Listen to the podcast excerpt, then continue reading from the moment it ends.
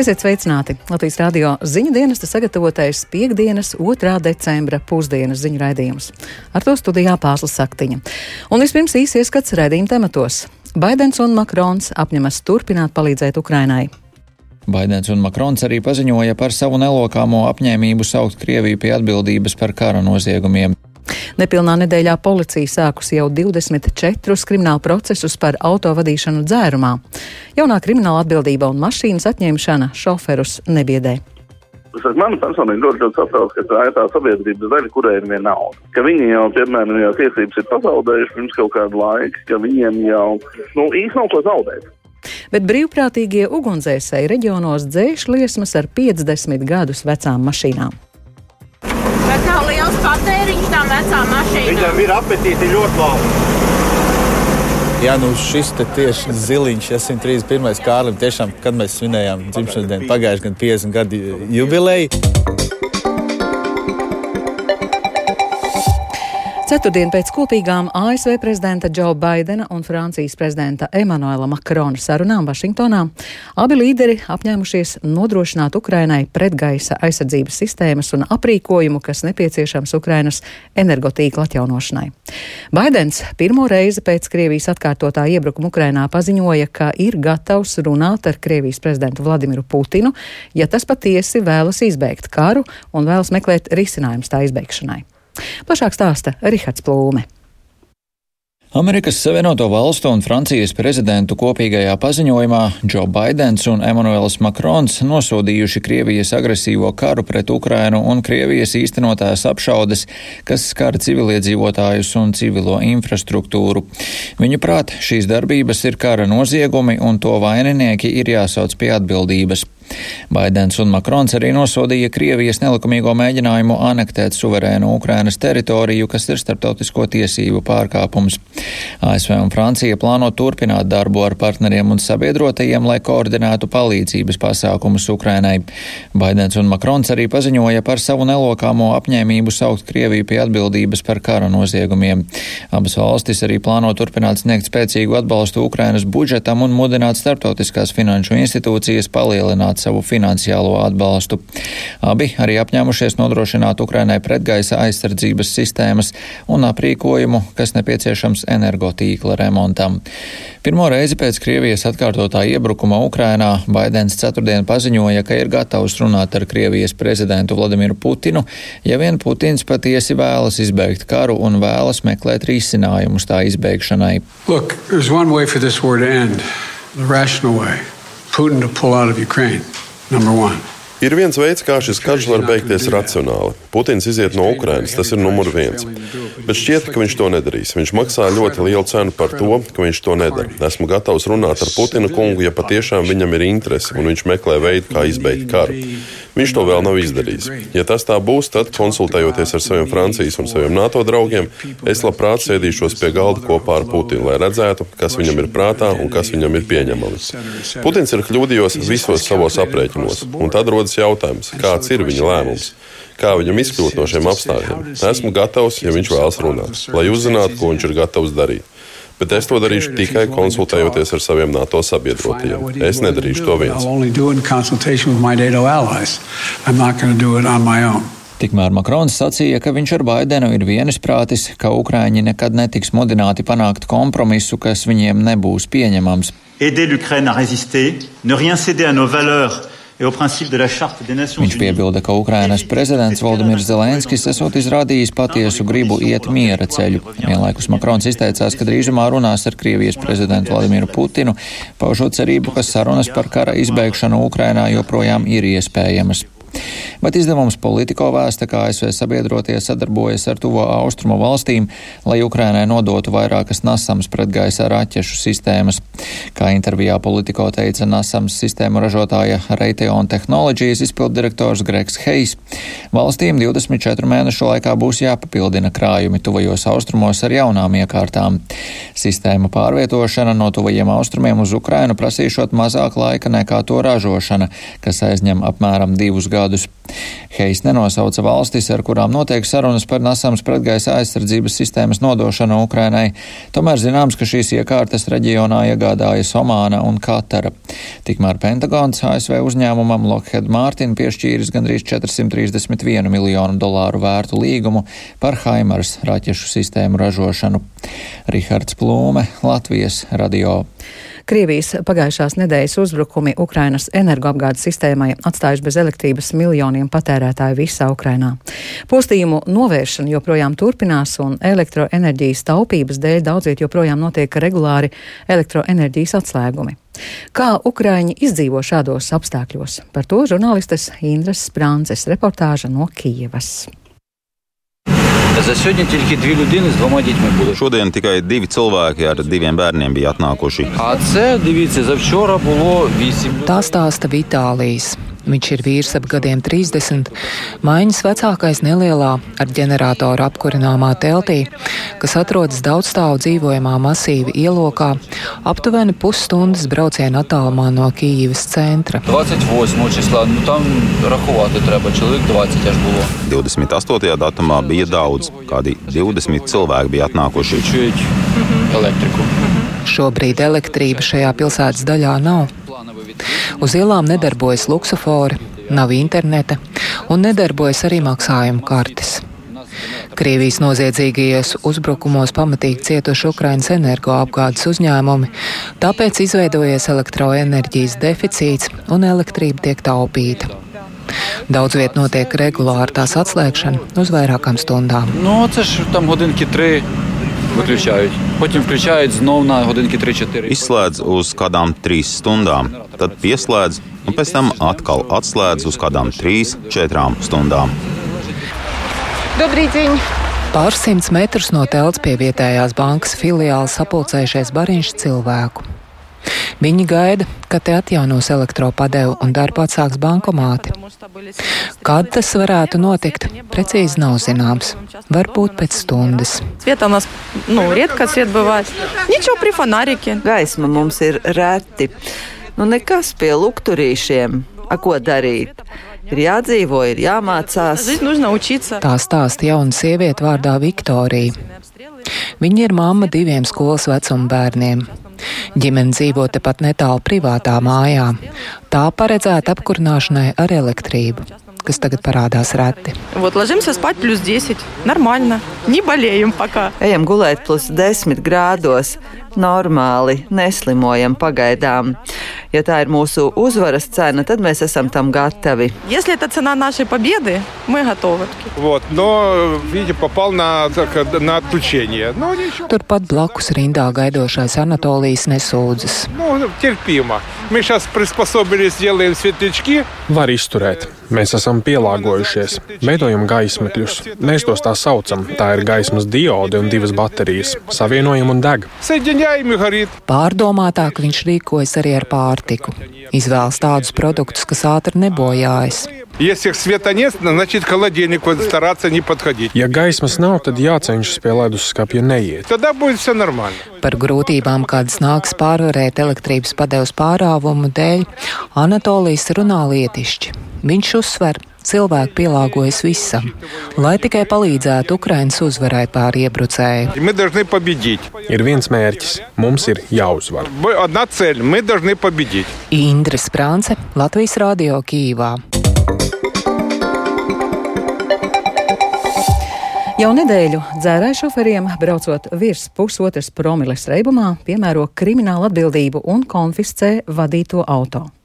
Tomēr tas neatur vadītājus sēsties pie stūres dzērumā. Līdz vakardienai policija uzsākusi jau 24 kriminālu procesus. Satiksmes drošības eksperts norāda, ka nozīmīga loma situācijas uzlabošana ir ne tikai likumiem, bet arī likumsargiem. Un plašāk Lindas Pundiņas ierakstā. Kopš 25. novembra šoferiem braucot virs pusotras promils reibumā piemērojama krimināla atbildība. Likumā paredzētais sots, brīvības atņemšana uz laiku līdz vienam gadam vai īslaicīga brīvības atņemšana, vai probācijas uzraudzība, sabiedriskais darbs vai naudas sots atņemot tiesības uz pieciem gadiem, kā arī tiek konfiscēts piedarošais auto vai piedzīta nauda vadītās automašīnas vērtībā. Kaut arī par likuma grozījumiem un sekojošiem sodiem jau vairāk kārt runāts, jau pirmajā naktī kopš stājās spēkā izmaiņas likumā par braukšanu lielā reibumā apturēja divus autovadītājus Latgalē. Līdz vakardienai policija kopumā uzsākusi 24 kriminālu procesus. Satiksmes drošības eksperts Oskars Irbīts norāda, ka pieķerto autovadītāju skaits ir samērā liels, taču viņu visvairāk satrauc, vai bargais sots sasniegs visus dzērāju šoferus. Man personīgi ļoti, ļoti satrauc, ka tā ir tā sabiedrības daļa, kurai ir viena nauda. Ka viņi jau, piemēram, jau tiesības ir pazaudējuši pirms kaut kādu laiku, ka viņiem jau, nu, īsti nav ko zaudēt tā vadītāja daļa ir pati riskantākā un galvenais, tas, kas pārējiem ir bīstams, viņi ir gatavi riskēt. Ja jau viņiem tiešām, nu, ir tas stāvoklis, ka viņiem īsti vairs nav ko zaudēt, ja tiesības jau ir nodzerts, nu, labi, būs krimināla atbildība. Vēl viens sots klāt, ko viņi pats, nu, neapzinās bieži, ko tas nozīmē. Un šādām situācijām ir konkrēti piemēri. Rīgas apriņķa avīzes redaktore Eva Lūsa stāsta par gadījumu, kad laikus pieņemti grozījumi likumos iespējams būtu izglābuši vismaz vienu dzīvību. Avīzē lasām stāsts par bezatbildīgu dzērāju šoferi, kas par spīti atņemtām tiesībām un neskaitāmiem sodiem jau 20 gadus turpinājis pārkāpumus līdz jūrmalā nogalinājis gājēju. Autovadītājs Vitālijas 18 reizes viņš ir ticis sodīts iepriekš, un tieši arī par auto vadīšanu gan rēbumā. Un izrādās, ka šim cilvēkam vispār nav autovadītāja tiesības. Un tas nozīmē, ka iepriekšējie soda mēri, ka cilvēkam tiek atņemtas autovadītāja tiesības, šajā gadījumā vispār nedarbojas, jo viņam vienkārši tādu nav. Tiešām tā viņa kriminālā pagātne ir vienkārši baisa, un pat iepriekšējā gadā viņš ir divus mēnešus sēdējis Jākapils cietumā par braukšanu dzērumā, bet tas nekas nav līdzējis. Satiksmes drošības eksperts Oskars Irbītis norāda, ka nozīmīgu lomu situācijas uzlabošanā ir ne tikai likumiem, bet arī likumsargiem. Ja mēs skatāmies statistikas rādītājus, tad ļoti liels skaits dzērāju šoferu tiek pieķerti pēc negatīvuma. Tas nozīmē to, ka policijas resursi ir nepietiekams, viņas pieķer laikus. Jo, ja mēs uz zēnām šoferi noķeram pēc negadījuma, tas ir ļoti, ļoti jau par vēlu. Tas, ka šobrīd policija krietni par maz ir šo ekipāžu, lai mēs, piemēram, šo sodu mēru arī varētu ieviest, nu, pilnā apjomā, lai viņš tiešām nostrādātu. Ikgada aptuveni 3,5 tūkstošus autovadītājus pieķer reibumā. Lielākajai daļai vairāk nekā 2000 alkohola koncentrācija asinīs ir virs pusotras promilas. Līna Spundiņa, Latvijas radio. Ir vērojama stagnācija un situācija neuzlabojas. Tā situācijā ar avārijām, kurās iesaistītas kravas automašīnas. Pēdējo nedēļu laikā ir bijušas vairāk šādas traģiskas avārijas. Vērtē satiksmes ministrijas sabiedriskā transporta pakalpojuma departamenta direktors vietnieks Jānis Kalniņš. Kalniņš atzīst, ka tas rada satraukumu un liek meklēt risinājumus. Turklāt pārbaudēs mašīnām ir atklāti vairāki būtiski defekti, kas rada papildu riskus uz ceļa piemēram, tur ne tikai riepas, bet arī bremžu defekti, ko arī konstatē šajās pārbaudēs uz ceļa, ko veic valsts policija sadarbībā ar ceļsatiksmes drošības direktīvu. Tāpat arī balstiekārtas defekti, ir konstatēti dažādi apgaismas ierīču defekti, tostarp arī kravas automašīnām. Vai būtu biežāk un stingrāk jākontrolē kravas auto tehniskais stāvoklis? Arī šodien diskusijā esam pieaicinājuši nozares pārstāvis, jo nu, nevar tikai tīri tā teikt ar rungu nākt un mācīt, bet uh, ir arī pašiem šiem te uzņēmumiem jāapzinās, ka tas jau ir tā teikt ikdienas darba process uzraudzīt savus automašīnas tehnisko stāvokli, ne tikai šoferim, bet arī pašam šim te autoparka pārvaldītājiem. Ja pārbaudi mašīnai veids regulāri, tad jau tie riski, ka tur vai nu plīsīs riepa vai, nezinu, bremžu defekts radīsies, būs mazāki. Bet ar kādiem izaicinājumiem ikdienā saskaras tie, kuri savā darbā izmanto 50 gadus vecas mašīnas? Pēc novadu reformas Dienvidu kurzemes novads mantojumā saņēmis arī problēmas, kas saistītas ar brīvprātīgo ugunsdzēsēju darba aprīkojumu. Brīvprātīgo ugunsdzēsēju dienas būtu gatavs pat pārņemt vecāku transportu no valsts ugunsdzēsības un glābšanas dienesta. Šodien Gaviezē Dienvidu kurzemes novads pirmo reizi rīko brīvprātīgo ugunsdzēsēju mācības. Par brīvprātīgo ugunsdzēsēju ikdienu Ingas Ozols ierakstā.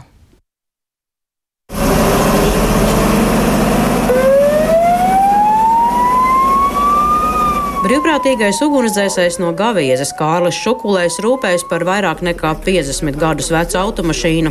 Uz paneļa uzlikt arī uzraksta latviešu valodā, citādi tehniskā apskatē nesaprotot, kas tās par pogām. Vecais auto arī patērē daudz degvielas. Vai kā liels patēriņš tām vecām mašīnām? Viņam ir apetīti ļoti labi.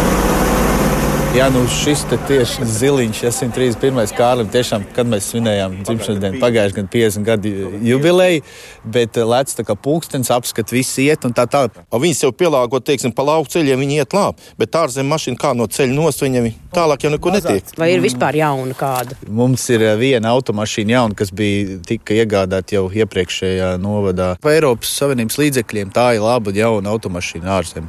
Mums ir arī daļas, kur ir lieli pūravi, meži, kur pat grūti grūti ir iebraukt, bet ir šie gāzu 66 pieņemsim automašīna, kas var braukt vismaz to pirmo palīdzību sniegt. Dienvidu kurzemes novada brīvprātīgo ugunsdzēsēju dienesta vadītājs Andris Jefīmovs uzsver, ka izaicinājumi ir daudz, gan novecojušais tehniskais aprīkojums, gan lielie attālumi, jo Dienvidu kurzemes novads teritorijas ziņā ir lielākais.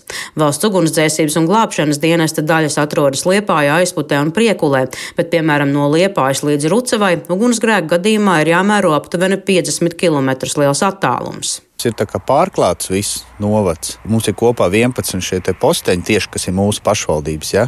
Redzat, šeit ir neliela garāža pašvaldības, un kā gaviezies šeit, kur arī ugunsdzēsējiem jāuztur zinām temperatūru, viņš nāk un kurina krāsnes apkur. Kur pat automašīnām vispār apskats nebija, un kur ir viens cilvēks bez nekāda inventāra.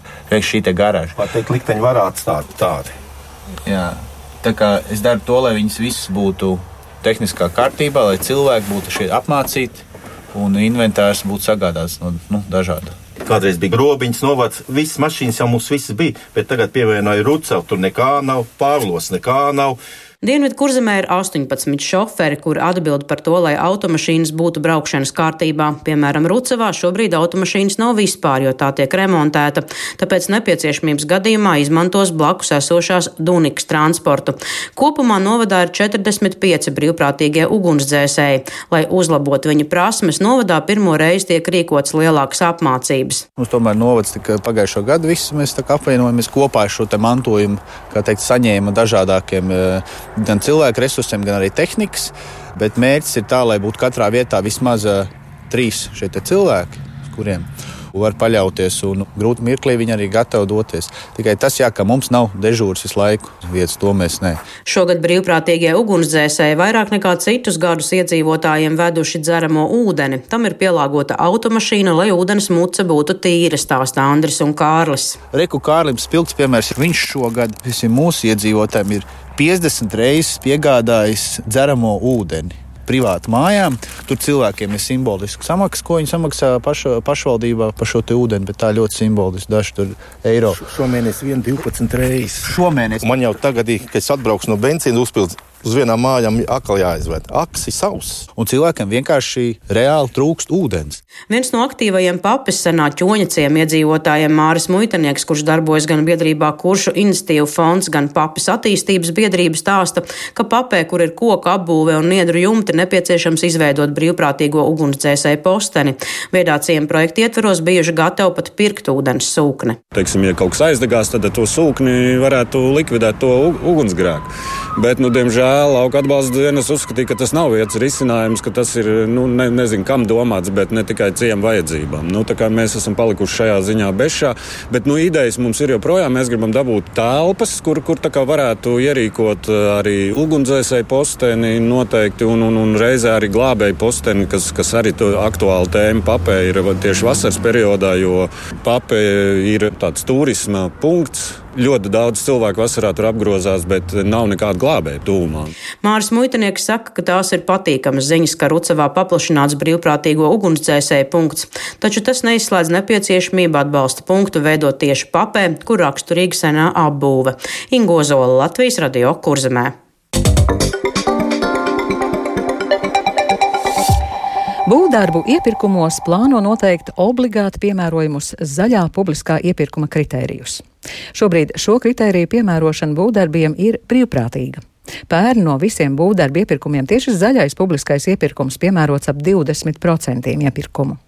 Latvijas būvu uzņēmēju partnerības ieskatā minimālus obligātus kritērijus jānosaka, lai zaļos iepirkumus būvniecībā veicinātu tieši valsts pārvaldes pasūtījumos. Plašāk Sintīs Ambots ierakstā. Pat labam zaļā publiskā iepirkuma piemērošana būvniecības sektorā ir brīvprātīga, taču turpmāk šajos iepirkumos plānots noteikti minimāli obligātos zaļos kritērijus, saka vidas ministrijas koordinācijas departamenta direktors Māris Klismets. Tiek piedāvāts šo būvniecības grupu pārcelt uz obligāti piemērojamo, jo no 1. janvāra spēkā būs grozījumi publisku iepirkumu likumā, kas nosaka, ka obligāti jau būs jāpiemēro saimnieciskā izdevīguma kritērijas. Tas nozīmē, ka nebūs vairs tikai zemākā cena kā galvenais kriterijs, bet būs saimnieciskais izdevīgums. Un, lai to savukārt īstenot, tad būtībā zaļais iepirkums ir viens no tiem instrumentiem, kā to vislabāk izdarīt. Un uh, tās uh, ēkas, uz kurām tiks attiecināts šis zaļais publiskais iepirkums, ir tās ēkas, kuras būvē pašvaldības, valsts iestādes, tad jebkuras publiskas ēkas, vai nu bibliotekas, muzeja vai arī teiksim, veselības aprūpas iestādes, ēdināšanas iestādes vai rūpnieciskās ražošanas ēkas, arī sporta zāles, tirdzniecības ēkas un arī biroji. Pat labam vēl tiek saskaņoti vidas ministrijas sagatavotie grozījumi ministru kabineta noteikumos par zaļā publiskā iepirkuma prasībām un to piemērošanas kārtību. Valdība tos varētu skatīt nākamā gada sākumā. Plānotos obligātos zaļā iepirkuma kritērijus būvniecībā iezīmē klismets. Projektēšanā, protams, būtībā tas ir saistīts ar ēku energoefektivitāti, ir viens no galvenajiem kritērijiem. Tagad ar vien vairāk nākamais kritērijs ir piemēram par velospēdu un mikromobilitātes transporta līdzekļu novietnēm. Arī dzena, viena būtiska tāda grupa ir par apgādes materiālu izvēli, un cik viņi ir vidē draudzīgi un cik daudz atkārtotu pārstrādājumus materiālus mēs izmantojam pašu objektu būvniecībai. Nu, koksne tiek izmantot varbūt jā. Jā, un tam līdzīgi. Un, nu, jā, un tad būvdarbu kritērijos tad ir tādi trīs galvenie, kas ir likumīgas izcelsmes koku materiāli, tad ir kā tiek apkritumi apsaimniekot objektā, nu, vai tiek izvesti šķirot tam līdzīgi, ja? kāda ir šo izmantoto apdars materiālu, nu, teiksim, krāsu ietekmē uz gaisa kvalitāti arī. Un visbeidzot, pēdējā atsevišķā grupa, kas ir izvirzīta ir arī par um, kritērijiem ēku likvidēšanai, nojaukšanai, ja, kas arī, nu, teiksim, jums nojaucam, tad arī mēs varam darīt vidē draudzīgi. Latvijas būvuzņēmēja partnerības vadītājs Gīns Miķelsons vērtē, ka komerces sektorā lielu biroja ēku un loģistikas centru būvniecība arī brīvprātīgi norit pēc zaļajiem principiem, bet kritērijus jāpadara par obligātiem, lai zaļos iepirkumus veicinātu arī valsts pārvaldes būvniecības pasūtījumos. Līdz šim jau pasūtītāji iet vieglāko ceļu. Nu, šobrīd publiskā iepirkumā, jeb ZPI, zaļo publiskā iepirkuma kritērijos, vienīgais obligātais kritērijs, kas ir, ir pateikts LED apgaismojums. Nu, tad visi arī liek to LED apgaismojumu kā vienīgu obligāto. Tāpēc arī jā, ir tā, ka tā praksa ēkas, nu, viņas ir, sauksim tā, daļēji zaļas, jā, bet lai viņas padarītu tā, teiksim, par pilnīgi zaļām, jau nu ir jāsakārto šī uzskaite, lai, lai pareizi tas tiek nodefinēts projektu būvniecības ieceras sākumā, ja tad, kad tiek radīta būtļauja, līdz pat beigām, kamēr tā tiek nodota eksploatācijā. Nu, tad, tur ir svarīgi atsekot pēc vienotiem principiem, nu, kā to zaļumu mērīt. Faktiski jau gadu atpakaļ priekšlikumi ir galdā, jo projām, diemžēl, politiskā turbulence, ja šo noteikumu apstiprināšanu ir, ir paildzinājusi. Piemēram, Valmieras novada pašvaldības būvinženieris Kaspars Kalniņš norāda, ka pašvaldības lielākoties šobrīd ievēro zaļo prasību minimumu, jo tas ir arī finansējuma jautājums. Jā, mums ir tas iztiks minimums, tur pat apgaismojumu mēs vienmēr esam norādījuši, ka tiem gaismakiem jāatbilst ir, un nav problēma izpildīt zaļās prasības problēma, vai tas eh, nerada lieku sadārdzinājumu līdz tādam līmenim, ka mums būs jāatsakās no kādiem projektiem, ja? un atkal nav pretrunā ar tiem mūsu pārējiem būvnormatīviem. Zaļo kritēriju piemērošanai publiskajos iepirkumos būvniecībā gan kopumā ir pieaugoša tendence. Pērn zaļie publiskie iepirkumi būvniecībā īstenot 703 miljonu eiro apmērā, tikmēr 2015. gadā 158 miljonu eiro apmērā. Sinti Amboti, Latvijas radio.